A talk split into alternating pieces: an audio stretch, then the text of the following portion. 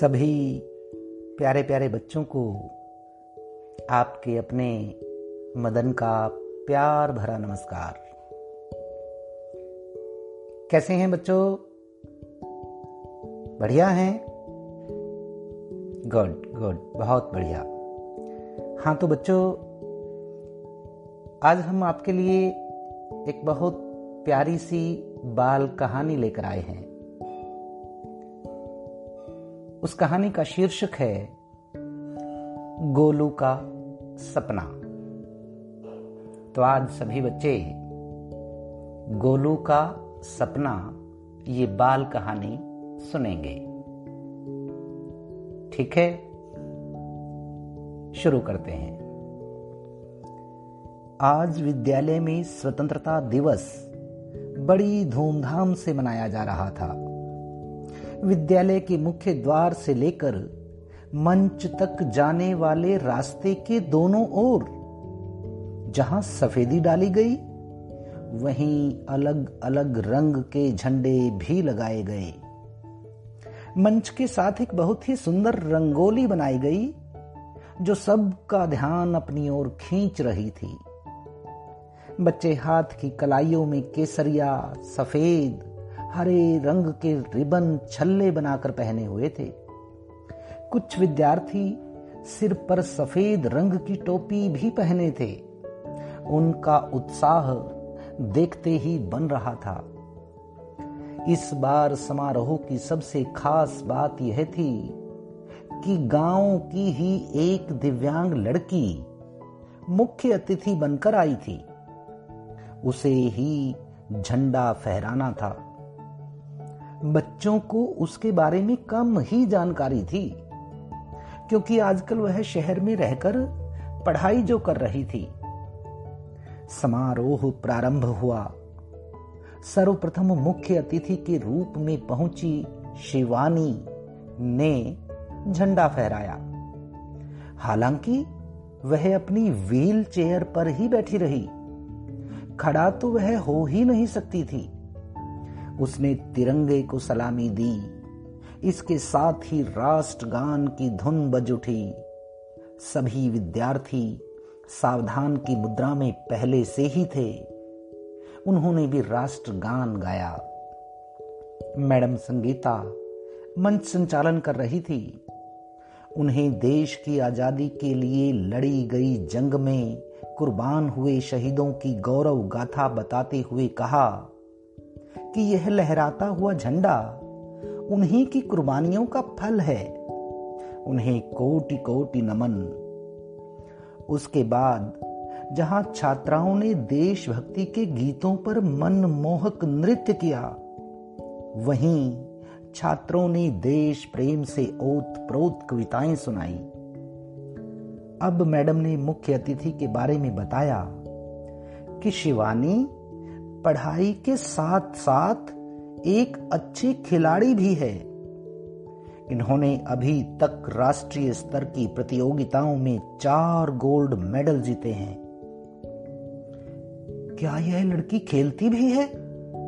यह तो चल भी नहीं सकती। फिर खेलती कैसे होगी? कहीं मैडम वैसे ही इसकी तारीफ़ के पुल तो नहीं बाँध रही।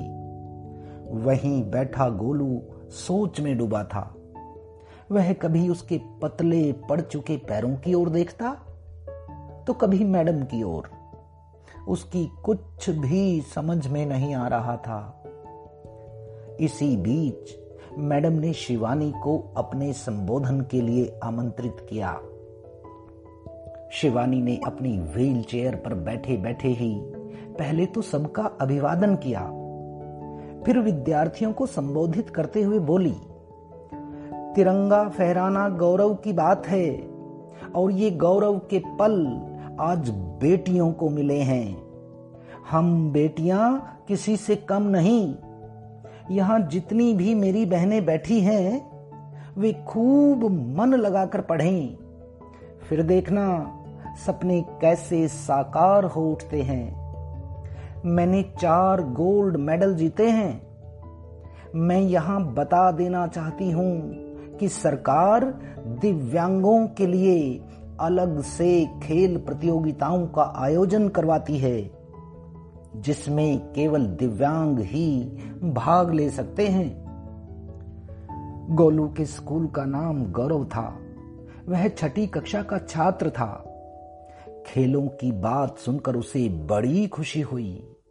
मन ही मन सोचने लगा, खेलों में गोल्ड मेडल? मैं मम्मी से कहूँगा, देखो मम्मी, खेलने के कितने लाभ हैं, और एक आप हैं कि मुझे खेलने नहीं देती हो। अब तो मैं भी खूब खेलूँगा। देखूँगा मम्मी अब कैसे रोकेंगी? वाह, अब तो खूब मज़ा आएगा। गोलू किसी दूसरी ही दुनिया में खो गया था। मैं एक बात और बताना चाहूँगी कि मैंने बीए में भी अपनी क्लास में टॉप किया था।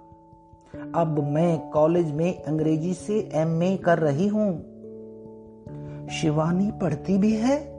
कैसे पढ़ती होगी? नहीं नहीं, यह भी मैडम की तरह झूठ बोल रही है। भला कोई खेलते हुए कैसे पढ़ सकता है? गोलू उधेड़ बुन में फंस गया था। कार्यक्रम समाप्त हुआ तो छात्रों ने शिवानी को घेर लिया। बच्चे प्रश्न पर प्रश्न किए जा रहे थे। कोई उसकी पढ़ाई के बारे में पूछ रहा था तो कोई उसके खेलों के बारे में। लेकिन लेकिन गोलू की समस्या कुछ और ही थी। गोलू भी प्रश्न करना चाह रहा था, पर किया नहीं, क्योंकि वह जानता था कि सब उसका मज़ाक उड़ाएँगे। इसलिए उसने कोई प्रश्न नहीं किया। जब सब चले गए तो गोलू ने पूछा, दीदी, आप खेलती भी हैं और फिर पढ़ती भी हैं? क्या यह बात सच है? तुम्हें क्या लगता है? मुझे तो झूठ लगता है। कहना तो वह यही चाहता था, पर मन की बात मन में ही दबा गया। उसे चुप देख शिवानी बोली, भैया, मैं सुबह उठकर खेल की प्रैक्टिस करती हूँ, फिर आराम करती हूँ और फिर पढ़ाई करती हूँ। ऐसे ही शाम के समय करती हूँ। मेरा सपना है कि मैं पढ़ लिख कर टीचर बनूं। मुझे टीचर बनना पसंद है। आपको क्या पसंद है? बड़ी कार चलाना बड़ी कार चलाना। लाखों रुपए में आती है कार। दीदी, वो वाली कार नहीं, खिलौना कार। पर मम्मी कहती हैं कि यदि मैं अच्छे नंबर लेकर आऊँगा, तभी कार मिलेगी। ऐसा कहते हुए गोलू की आवाज़ दबती चली गई थी। तो कार का सपना है। पर भैया इसके लिए तो खूब पढ़ना पड़ेगा। तभी तुम्हारा सपना पूरा हो सकता है। अब आप सोच लो, आपको कार चाहिए या नहीं? मुझे कार ज़रूर चाहिए, बिल्कुल चाहिए। यही तो मैं भी कहती थी कि मुझे गोल्ड मेडल चाहिए।